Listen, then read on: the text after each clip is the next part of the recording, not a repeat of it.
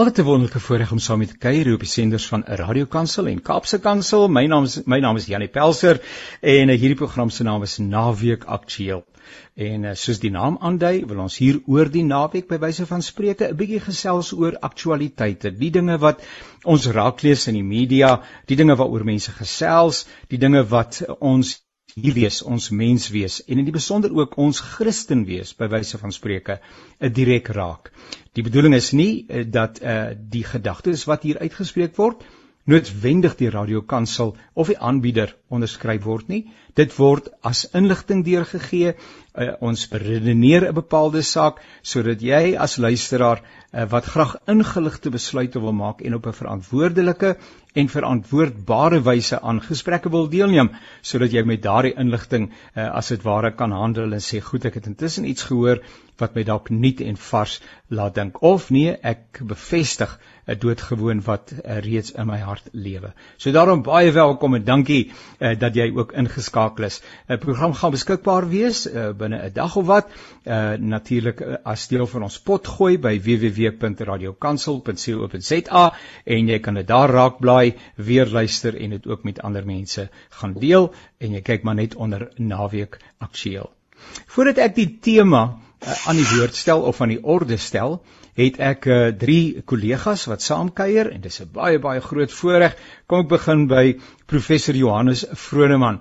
Uh Johannes, baie baie welkom. Vertel vir ons so ietsie oor jou eie konteks tans asseblief. Dankie Jannie, uh, goeiemiddag aan almal. Uh ja, ek is Johannes Vroneman. Ek is 'n emeritus professor in journalistiek. Ek was vir 'n uh, lank 28 jaar lank verbonde aan die Noordwes Universiteit en ek het ook 'n loopbaan in die journalistiek dan nog gehad voor dit. Ehm um, onder meer as 'n assistent uh, redakteur van die Kerkbode, maar dit is baie lank gelede. En ek is so bly jy het nie gesê en ek en Jannie was saam in die weermag 50 jaar gelede nie.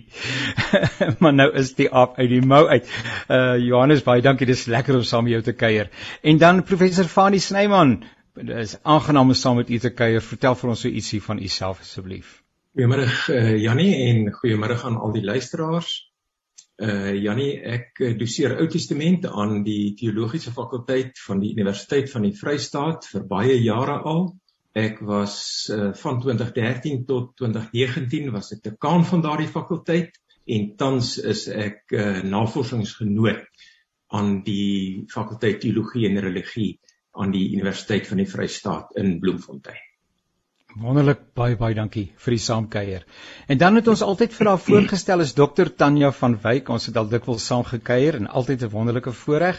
Maar sedert 1 Januarie vanjaar is sy mede-professor aan die Universiteit van Pretoria in sistematiese teologie en vir ons kant af hartlik geluk uh Tanya. Vertel vir ons so ietsie nog van jouself asseblief. Baie dankie Jannie en ehm um, baie welkom aan al die luisteraars en ook ek sien uit na die gesprek wat voorlê. So baie dankie vir daai pragtige verwelkoming en gelukwense as mense jong professor is dan ehm um, maak elke klein stukkie daarvan vir jou eh, 'n uh, nuwe lekkerte oop as mense dit hoor. So baie dankie daarvoor.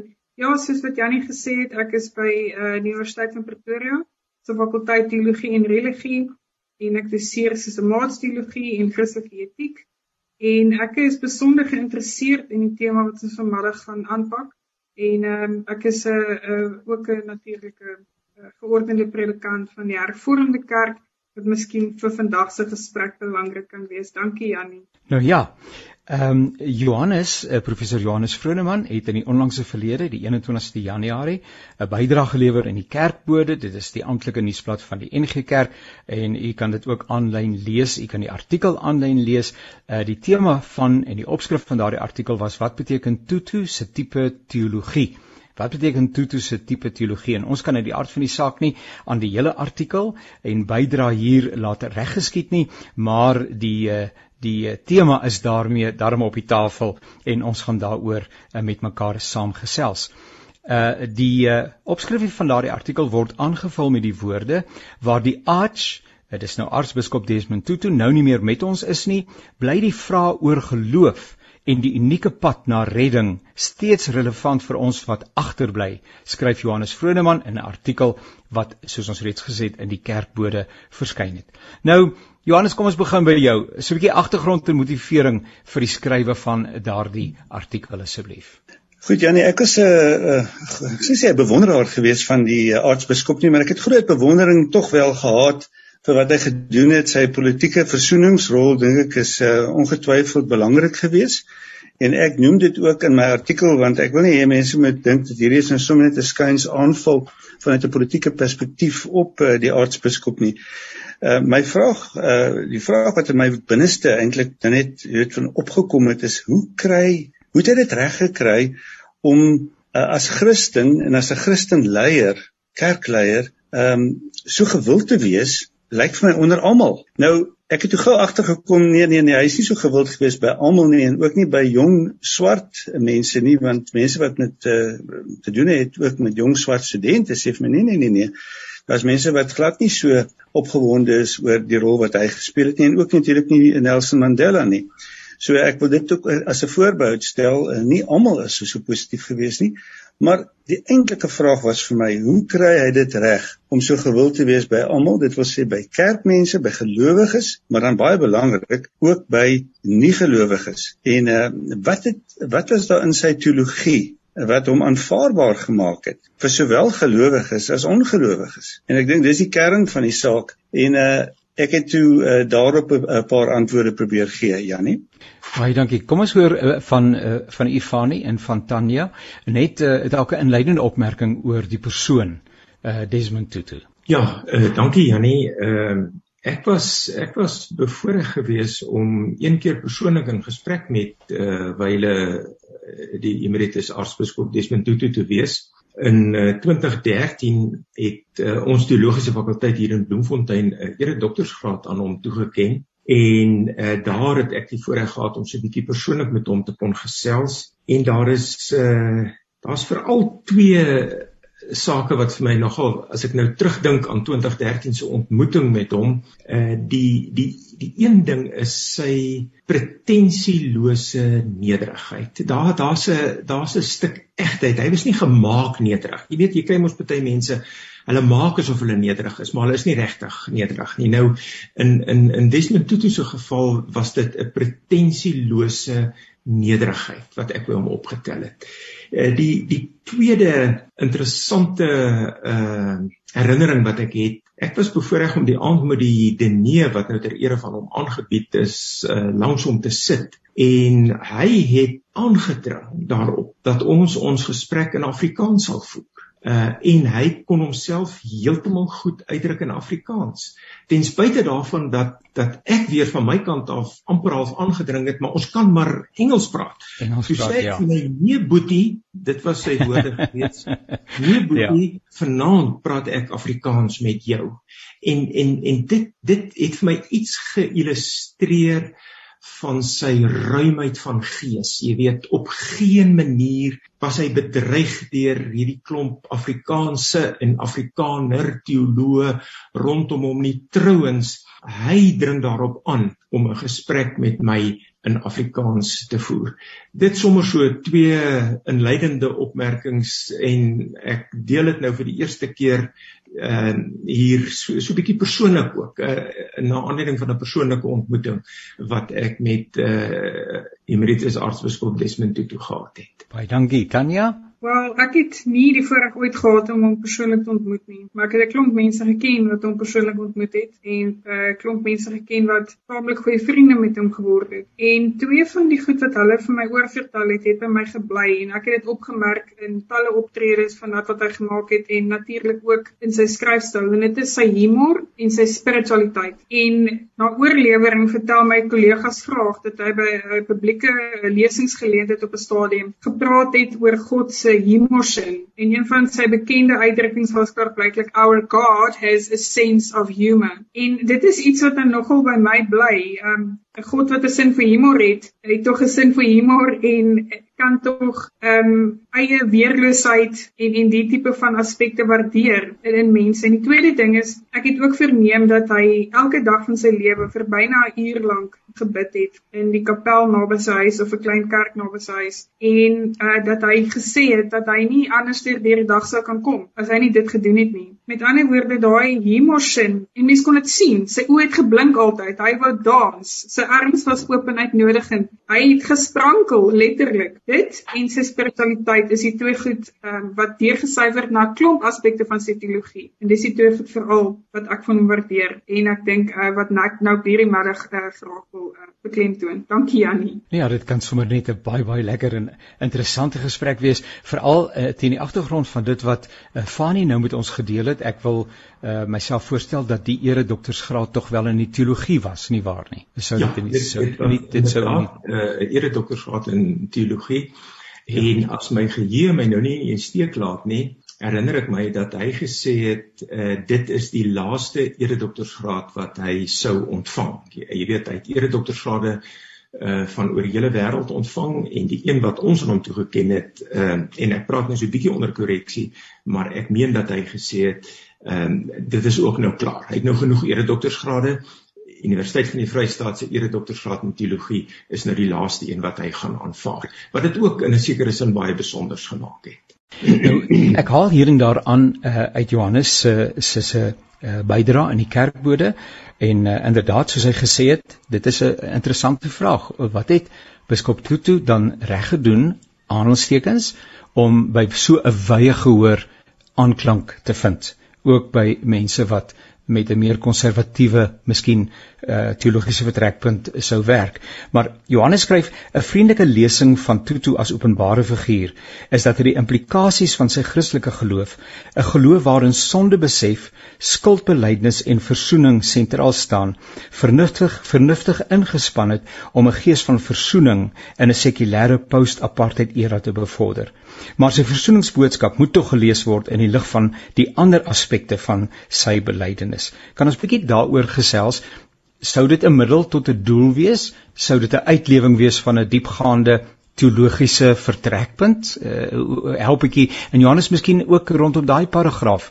Ehm uh, waarin is ons op pad in dit wat jy in jou artikel aanroer? Ja, ek het hierdie ehm um, bepaalde perspektief uh, gekry by 'n vriendin van my wat 'n baie positiewe lesing het van Tutu en ek het dit uh, met opset toe ook ingesluit in my artikel om ook erkenning te gee daaraan dat uh, biskop Tutu um, se rol as versoener, ek noem hom die biegvader van die nasie. Ja. Dat dit uh, heel waarskynlik en ek aanvaar dit sonder enige probleme uh, gewortel was sekerlik in sy um, Christelike geloof. Jy weet so ek betwis dit ook nie, maar dit is nie werklik waaroor my vraag gaan nie. So ons aanvaar almal hy was 'n besondere aangename humoristiese mens en daar's 'n lang lys van dinge wat mense oor hom kan sê en ek ek gaan akkoord met dit alles. Maar nou krap iets in my. En my vraag is, hoe is dit dan dat almal van hom gehou het? Het hy dan nooit iets gesê wat mense kwaad gemaak het of wat mense aanstoot gegee het of wat mense van verskil het nie? Ehm um, kan dit wees dat 'n mens ehm um, as kerkleier, as Christenleier, as teoloog is dit moontlik? Dan moet jy altyd kan saamstem. Nou natuurlik nie. Maar ek bedoel dit nou op 'n baie spesifieke punt en 'n baie diepgaande punt en daarom het ek twee antwoorde probeer bedink en laat ek ook onmiddellik byvoeg.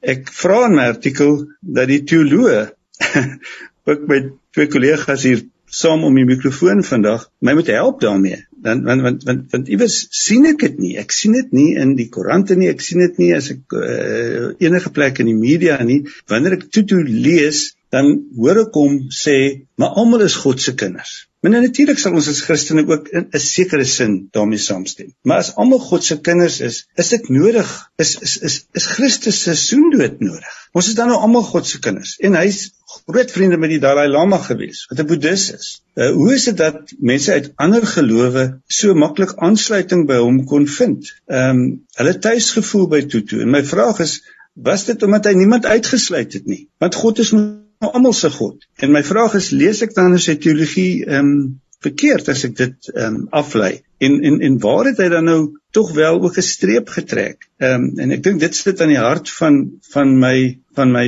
van my vraag. Uh vinnig net die tweede deel van my tentatiewe antwoord is dat sy standpunte oor etiese kwessies was sover ek kon hom hoor en lees was altyd in pas gewees met wat ek nou sal noem by gebrek aan 'n beter 'n term help my daarmee ook uh, noem dit maar 'n progressief liberale soort van kyk op die Bybel 'n vrysinnige kyk.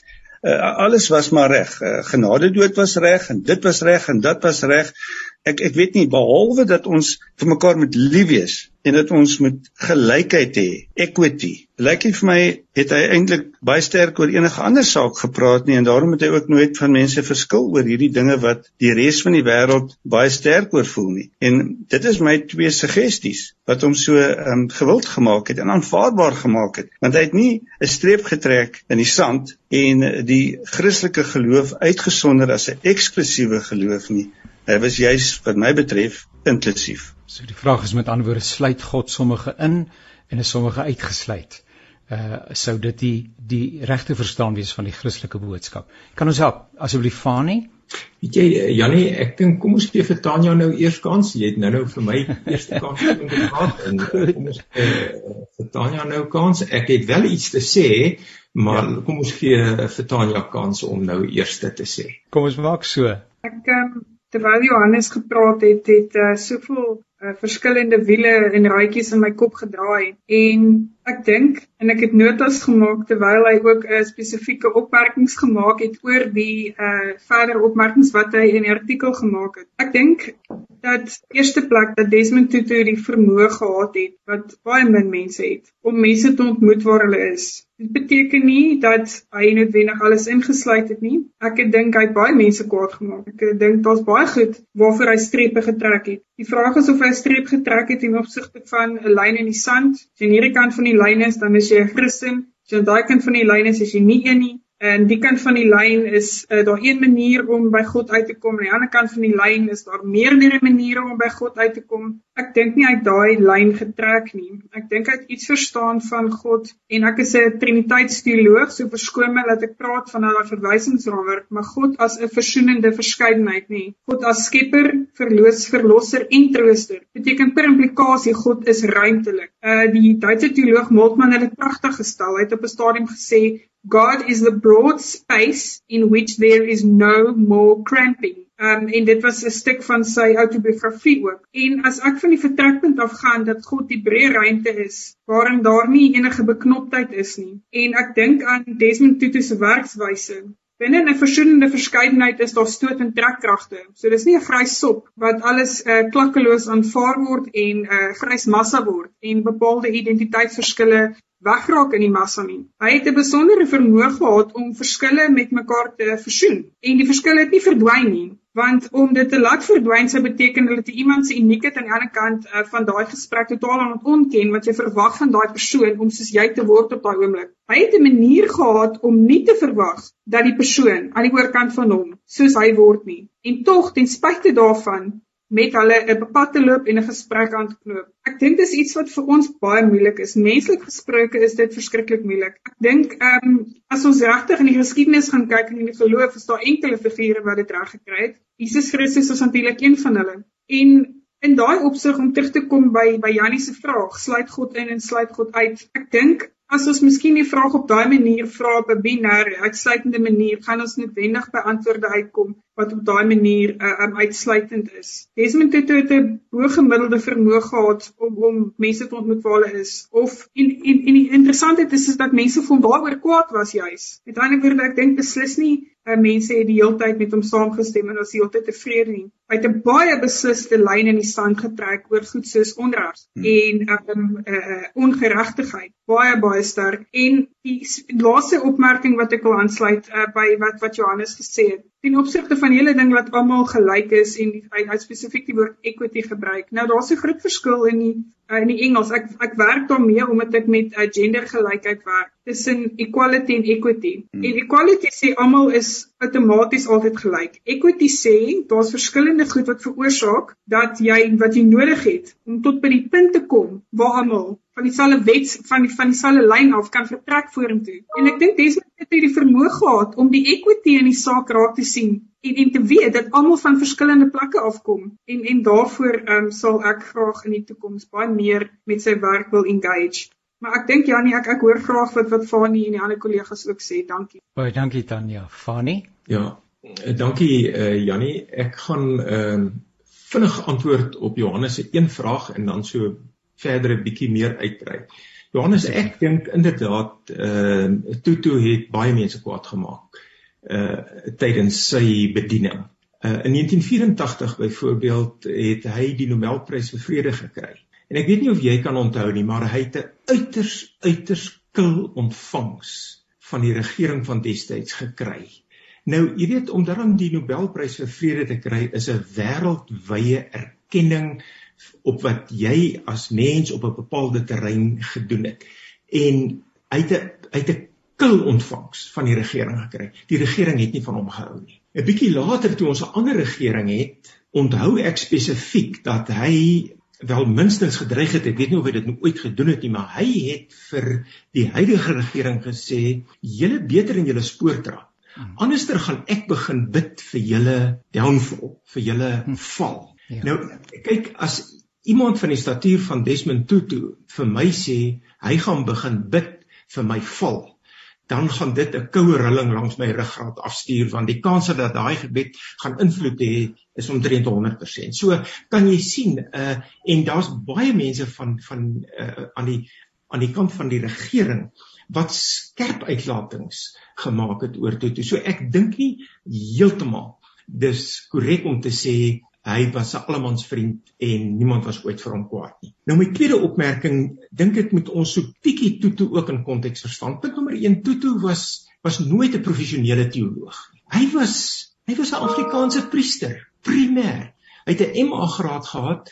Hy was vir 'n kort rukkie uh, het hy teologie doseer aan 'n teologiese opleidingsinrigting, maar in sy hart, in sy diepste wese, was hy 'n pastoor, 'n Anglikaanse priester en hy het reageer op 'n politieke situasie wat hy gewoon het onhoudbaar gevind het in terme van die onmenslikheid waarmee daardie uh, beleid uh, uitgevoer is en die effek wat daardie beleid op op mense gehad het. So hy het so 'n bietjie as ek dit nou baie plasties in in in in in miskien te eenvoudig. Hy hy was 'n teoloog 'n publieke teoloog wat van die heup af geskiet het. Ek het 'n bietjie gaan kyk na die goed wat Tutu geskryf het en ek het veral gaan kyk na die goed wat oor Tutu geskryf het, geskryf is vanuit 'n akademiese hoek. Hierdie idee uh, wat jy nou beklemtoon Johannes dat almal God se kinders is ongeag jy dit alle paaie loop maar op die ou en na God toe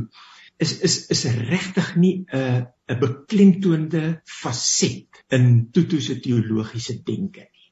Wat wat uitstaan in die literatuur is sy beklemtoning van verzoening en vergifnis en aanvanklik heel aan die begin geregtigheid. So kom ons sê geregtigheid, aanvanklik verzoening en vergifnis. Dit sou ek sê is die swarte punte van van van van sy teologie nie so seer die idee dat uh, op die ou einde gaan ons almal maar hemel toe ongeag die roete wat ons volg. Dit kan langs die Christelike roete wees via Jesus Christus of dit kan na enige ander uh, roete ook wees. Uh nou ek wil vir 'n oomblik hier haltroep maar dan wil ek graag ek sou graag Jannie so 'n bietjie 'n ou testamentiese perspektief ook wou gee op die hele idee van inklusiwiteit en eksklusiwiteit. Maar ek dink ek het nou genoeg gepraat vir eers. Ek ek sou graag wou want ek kan dink dat daar by luisteraars in hulle harte die vraag lewe, maar is sommige in en sommige uitgesluit? Dit is tog aan die einde van die dag 'n belangrike kwessie. En ek het gewonder of mense dit so kan verwoord, help my om te sê wel of sommige in en uitgesluit is is God se prerogatief. Is nie vir my om daaroor te besluit nie want hy is soewerein. Uh ek ken hom wel as 'n God van liefde en alles wat daarmee saamgaan. Maar my vertrekpunt behoort die van Tutu te wees, naamlik een van insluiting, een van intrek, een van omarm, een van welkom heet. Ek dink in die in die kerk en dan ek ek sien al Johan en is so bly daaroor dat ons in die kerk altyd gehoor, gewerk het met bely behoort. En ons het dit omgedraai gesê nee, gee eers 'n gevoel van behoort en werk dan na bely toe. Ehm um, so eh, my wonder my vraag is net of ons nie meer daarvan moet hê as waar ons op 'n sekere manier uh, dan eintlik die rol van God begin speel selfs in ons teolog, teologiese beoefening en ons prediking dat ons mense uitsluit in die manier waarop ons goed sê en verwoord nie. Ek wonder Tanya, ek sien jou hand is op.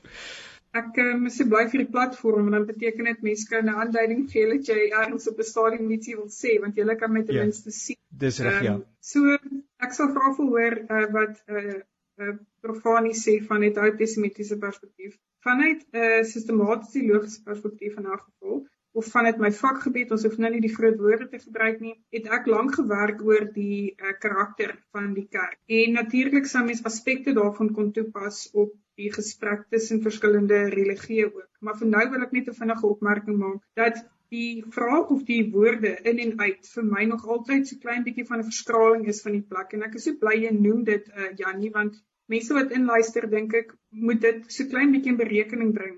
In die Christelike kerk is daar eerder 'n tipe van 'n wederwysige spanningsveld tussen eenheid en verskeidenheid. Dit wat ons saambind en dit wat ons nie saambind nie.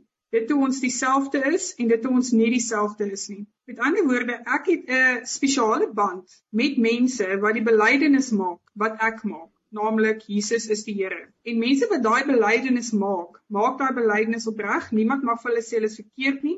En daai belydenis bind mense op 'n spesifieke manier saam want dis 'n bepaalde identiteit. Dit beteken nie dit sluit ander mense per se uit nie. Dit sê nie niemand mag naby my kom nie, maar ek wat daai spesifieke identiteitseienskap met 'n ander mens deel, is op 'n spesifieke manier aan mekaar gekoppel wat maak dat ek nie aan iemand wat dit nie gemaak het nie op 'n ander manier gekoppel is. Beteken nie hulle is weg van my af, uitgesluit van my af nie. Dit beteken ek het 'n ander tipe band met hulle as wat ek met iemand het wat daai belydenis met my deel. En dit is hoekom die woorde in en uit miskien op 'n binêre manier baie problematies is en dit bring ons by 'n punt waar ons gaan sê nou gaan ons die koring van die spreekwoordelike kaf skei. En in die Christelike kerk se geskiedenis gaan dit oor wat bind ons saam, maar wat maak ook dat ons nie die heeltyd met mekaar moet saamstem nie en nie dieselfde hoef te wees nie. En daai spanningsveld binne in die Christelike kerk se geskiedenis is een wat konstant 'n dinamiese spanningsveld is. So dit mes nie opeindig met almal is verskillend, so ons bly maar net apart of almal is dieselfde en dis hoekom ons een is nie. Dit is 'n spanningsveld wat konstant soos 'n pendule en is soos 'n wentelbaan waar daar twee swaartepunte is. En die oomblik as een van daai swaartepunte te veel beklemtoning het, dan breek die wentelbaan van wat dit beteken om in 'n relasie te wees. So dis die eenheid en die verskeidenheid, dit wat ons dieselfde bind en dit wat ons van mekaar wat verskil. En in daai opsig gaan dit nie oor in en uit nie. Dit gaan oor mense verskillende relasies met mense en 'n uh, bepaalde eienskappe bring mense saam. En ek dink dit is 'n klein bietjie van 'n van 'n ander aksentverskil as mens kyk ten opsigte van die in-uit vraag. Dit beteken dit gaan nie oor verlossing en oor sonde en oor streep in die sand trek nie. Dit gaan beslis nie daaroor nie. As ek kan ten slotte die een opmerking net maak want Ek het taamlik baie tyd van my lewe spandeer om oor hierdie te praat, juis omdat dit so aanhoudend voorkom in gesprekke. Die teks wat so aanhoudend gebruik word, gaan na die mense en maak hulle disippels en doop hulle in die naam van die Vader, die Seun en die Gees. Ongelukkig dink ek in ons geskiedenis het ons dikwels daai teks gebruik om te sê: "Gaan na mense toe en maak hulle soos ek is." Waar daar in die teks eintlik staan gaan na mense toe en wys hulle hoe ek is en wie ek is. Dis 'n groot verskil. Dit beteken jy gaan nie na iemand toe en vat 'n hamer en slaan hulle oor die kop nie. Dit beteken jy wys en uh wys God se karakter. En en ek dink dis iets anderster as 'n in-uitgesprek. Ek ek dink ek volstaan vir nou daar en en hoor graag wat die ander ook sê. Dankie. Nou ek dink ons gee vir Profani geleentheid. Ek sluit aan by Johannes wat gesê het ons wil graag van die teoloog hoor en dan gee ons vir Johannes die geleentheid daarna om repliek te lewer en verdere uh, opmerkings te maak. Maar kom ons hoor dan by Profani oor die Ou Testamentiese perspektief oor die hele saak van in en uitsluiting as ek die woorde ja. mag gebruik. Dankie, dankie Jannie en en kan ek sommer nou al sê my groot waardering vir die inhoud en gehalte van die gesprek tot dusver. Dit is vir my regtig uh, uh verruimend om om om uh deel te hê aan hierdie gesprek. Uh toe ek nou so 'n bietjie begin nadink dit uh Jannie oor die tema van ons gesprek vandag um en ook spesifiek dan vanuit my vakgebied om daaruit 'n bydrae te maak, lyk dit vir my dit is 'n mens kan sê in die Ou Testament loop daar twee parallelle lyne. Daar's 'n lyn van inklusiwiteit en daar's 'n lyn van eksklusiwiteit. Ek gaan hierdie inklusiewe lyn gou-gou illustreer met 'n paar voorbeelde. Julle weet iets wat ons dikwels miskyk, is dat die Ou Testament begin nie met die lotgevalle van die volk Israel nie. Adam en Eva was nie Israeliete nie. Genesis 1 vers 1 sê in die begin het God die hemel en die aarde geskep gemaak.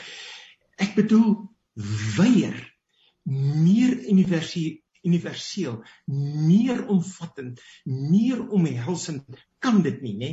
Dit en so begin die Ou Testament. En vir die eerste 12 hoofstukke van die Ou Testament handel dit dan oor die lotgevalle van mense in die algemeen. Terwyl die Ou Testament die boek is van die Joodse geloof. Nou, verstaan jy, ek dink dit is merkwaardig dat die eerste 12 hoofstukke van die Ou Testament hoegenaamd nie oor die lotgevalle van die Israeliete handel nie. Dit begin eintlik eers in Eksodus. Nou van Eksodus gepraat. Die groot heilsdaad van God in die geskiedenis van sy volk Israel is die verlossing uit Egipte. En ek het daai teks nou weer 'n keer gaan lees. In Eksodus 12 vers 38 staan daar: "En 'n groot menigte van ander afkoms het saam met die Israeliete getrek." So kan jy weer 'n keer sien, daai teks sê Dit was nie net ras-egte Israeliete wat uit Egipte hierdie groot heilstaat van God in die geskiedenis van sy volk meegemaak het nie.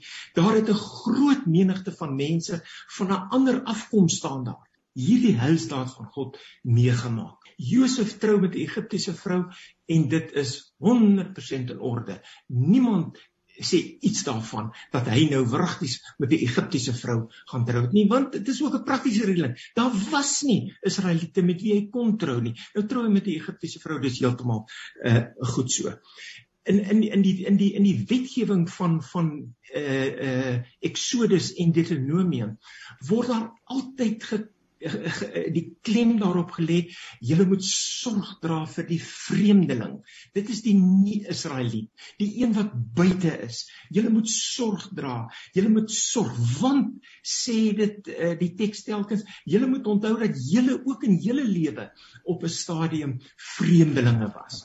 Uh, Jeremia 29 sê bid vir die belange van Babilonië want hierdie stad se belange is ook my belange.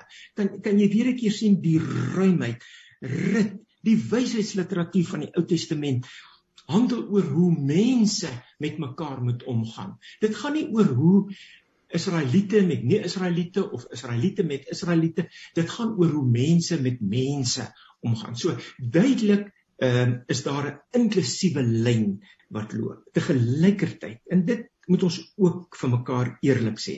Daar is ook 'n eksklusiewe lyn wat loop. In die eksklusiewe lyn word vasgelê in die heel eerste gebod van die 10 gebooie. Jy mag naas my geen ander gode hê nie. Met ander woorde, die Ou Testament sê nie uh hoorie dis heeltemal alright as as as as 'n baal uh saam met my aanbid nie. Daar is ook 'n eksklusiewe lyn. Die Here alleen moet aanbid word. En ek dink ons moet aan beide hierdie uh lyne wat loop uh vashou. En as ek dit mag sê, ek dink op hierdie punt is is Tanya se standpunt en my standpunt nie so ver weg van mekaar af nie. Tanya het gesê daar's 'n band van geloof wat jou bind aan mense wat dieselfde bely as jy, maar dit beteken nie jy's nou afgesny van alle ander verhoudings waarin jy te staan kom met met wie ook al nie. En vanuit die Ou Testament sou ek wou sê hierdie twee lyne wat loop is jy moet aan albei vashou. Daar's 'n inklusiewe lyn en daar is ook 'n eksklusiewe lyn en ons moet albei aan albei hierdie lyne moet ons vashou wonderlik om die insigte van u te verneem en en daaroor te kan nadink. Uh Johannes het gesê uh jy wil ook toelaat dat die teoloog jou gedagtes bietjie plooi. Uh, wat hoor jy? Uh waarby staan jy? Uh, kom ons hoor, wat leef in jou hart nadat ons nou geluister het na na die nee, twee geagte Dankie uh, Jannie, nee, ek luister um, met aandag en daar's min wat ek daar hoor wat ek nie meer absoluut kan saamstem nie. Ek het ook in my hele loopbaan op verskillende mense uh wyses uh betrokke gewees uh by uh kom ons noem dit 'n eenheidstrewe onder Christene. En um en sekerlik ook um in die 80er jare waarna Fani verwys het toe uh, Desmond Tutu persone non grata was op die SAIK het ek vir 'n kort wyle daar gewerk en ek het dit nog nooit in die openbaar gesê nie, maar ek gaan dit nou vandag sê. Ek het bedank by die SAIK omdat daar vir my gesê is dat ek kan nie met iemand praat soos Piet Meyering wat positiewe goed oor Tutu of die Suid-Afrikaanse Raad van Kerke sê nie. Terloops die ander persoon met wie ek dieselfde dag mee gesels het was Karel Boshoff en hy was 'n groot regs gewees. So ehm um, ek was bereid om my klein loopbaantjie by die SAIK prys te gee ter wille van die beginsel dat mense soos Tutu net so reg het om gehoor te word as as Karel Boshoff. So daai inklusiewe gedagte en die eenheid en verskeidenheid eh uh, wat Tanya geopper het, ehm uh, ja, absoluut, absoluut. Ek het uh, ek het daarmee geen probleem. Hoe genaamd nie. Inteendeel is vir my 'n baie belangrike faktor. En dis waarom het, waarom ek effe ongemaklik is om hierdie vraag oor Tutu te vra. Want normaalweg sou ek, kom ons sê uit 'n meer politieke oogpunt, um, baie tuis voel met sy benadering. En in die uh, politieke partye wat ek vir baie jare steun, is daar mense van verskillende politieke uh, politieke oortuigings nie oortuig nie, maar wel kerklike en en sekerlik ook geloofs-oortuigings. En ek het geen probleem hoe genaamd dat ek saam met mense van ander oortuigings, ander geloofs-oortuigings op verskillende vlakke van die samelewing, met name die politiek of by die by die skool of waar ook al, dat ek met hulle moet saamwerk. Um, en ek is gemaklik daarmee. Maar ek het wel 'n probleem binne my geloofskonteks, want my geloofskonteks word tog gedefinieer deur my geloof. Nie of ek 'n gawe ou is en of daai ou 'n vriendelike man is en of ek met hom polities saamstem. Dit word gedefinieer deur my geloof en my vraag op die ouende is nie 'n vraag in die eerste plek oor Desmond Tutu se teologie nie. Dit is 'n aanknopingspunt. Maar uiteindelik 'n vraag is, maar wat glo ons en wat is essensieel tot ons geloof? En is daar kernwaarhede wat ons aan vashou wat ons nie kan los nie? Of kan ons maar sê ag dit maak nie eintlik saak nie solank ons al die ander mooi dinge doen en dan sê die res van die wêreld ook uh, vir ons hande klap. Ehm um, jy weet dit is my dit is my kommer. Dit gaan vir my oor vrae soos maar Maar as die woord sê men niemand kom na die Vader behalwe deur my nie, wat beteken dit vir my as gewone gewone Christen? Beteken dit iets of is dit of is daar een of ander ander slim teologiese verduideliking ehm um, jy weet daarvan? Dis die tipe van vraag wat by my ehm um, uh jy weet uh, opkom en dan ook baie belangrik, my vraag is of die soenverdienste van Christus in die kern staan van ons denke en of ons universele kunskap van God of dit in die kern staan en dit wil vir my lyk asof ek ja, dis die vraag wat ek eintlik by uitgekom het ook in my artikel, want hoe jy toe toe ook al lees en ek aanvaar ek lees hom nie volledig nie en ek het dit toegegee in my in my um, in my artikel, uh, maar dit is nie vir my die belangrikste nie. Die vraag is wat vir ons van belang is en hoe ons ons geloof sien en hoe ons daardie uniekheid van Christus se se soen verdienste beleef. En laat ek dit maar sommer nou sê, Jannie, as dit nie waar is nie en as ons dit kan relativeer, dan weet ek dan weet ek dan kan ek regtig dink aan 'n paar ander organisasies wat ek ook aan gaan gaan behoort. En dan is my kerk nie meer en die geloof en die belydenis wat ek in my in die kerk uh, doen, dan is dit nie meer so belangrik nie want weet jy wat, ek kan eintlik maar ook 'n boeddhis wees. Goed, uh, baie dankie Johannes. Kan ons in die laaste paar oomblikke dan probeer om uh, te reageer op dit wat Johannes nou gesê het? Wat is dan nou die sogenaamde onverhandelbare of on onderhandelbare waarhede ehm um, wat nie beteken om by Tanya aan te sluit dat iemand wat 'n ander vertrekpunt het uh uitgesluit is binne my uh my kontak kring nie, kring van kontak nie, maar maar is daar sekere goeders wat my radikaal onderskei en wat vir my sekerheid gee terwyl my my evangelisasie mandaat is om mense daaraan voor te stel. Uh, uh ons het 'n paar minute wat oor is. Tanya, wil jy nou vir ons help om uh Johannes se ongemak ehm um, met ons 'n uh, bietjie deur te praat? Ehm um, Janie, dankie. Uiteraard is dit soos wat jy teoloog baie keer sal hoor sê, is 'n baie langer gesprek. Eh uh, maar kom ons probeer met een of twee opmerkings maak. Ek het baie deernis en baie respek vir alles wat Johannes op die tafel sit. Ek dink wat dikwels gebeur is is dat ons werk met 'n verwysingsraamwerk waar ons waarheid verstaan as iets wat ek in my hande kan vashou en is konkreet en ek kan dit meet en ek kan dit weeg. En naamlik is daai waarheid nie dit is wat ek op daai manier kan vashou en bepaal nie, skielik nie meer waar nie. Dit beteken twee goed.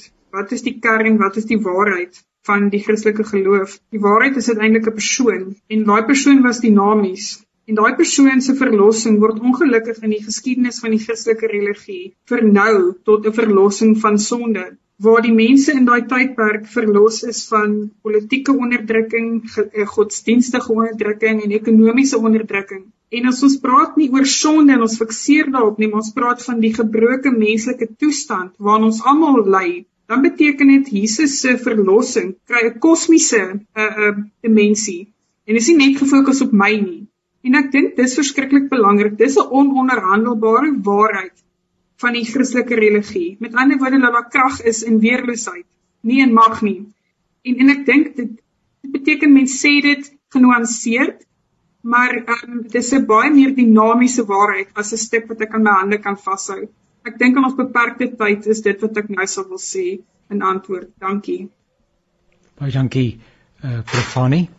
Ja, ehm um, weer 'n keer uh, Johannes, ek het die hoogste waardering vir die manier waarop jy jou vrae formuleer. Dit is met hierdie soort van regheid vra wat ons erns gaan kom en uh, dankie daarvoor kom ek sê hoe hoe ek die saak verstaan. Ek dink dat binne die Christelike teologie word 'n heils universalisme noem ons dit. Nou dis 'n groot woord, maar dit beteken hierdie ding van almal gaan in elk geval hemel toe ongeag wie of watter religie jy aanhang. Op die ou einde soos jy gesê het, kan jy maar net sowel 'n boeddhis wees, op die ou einde eindig jy by God.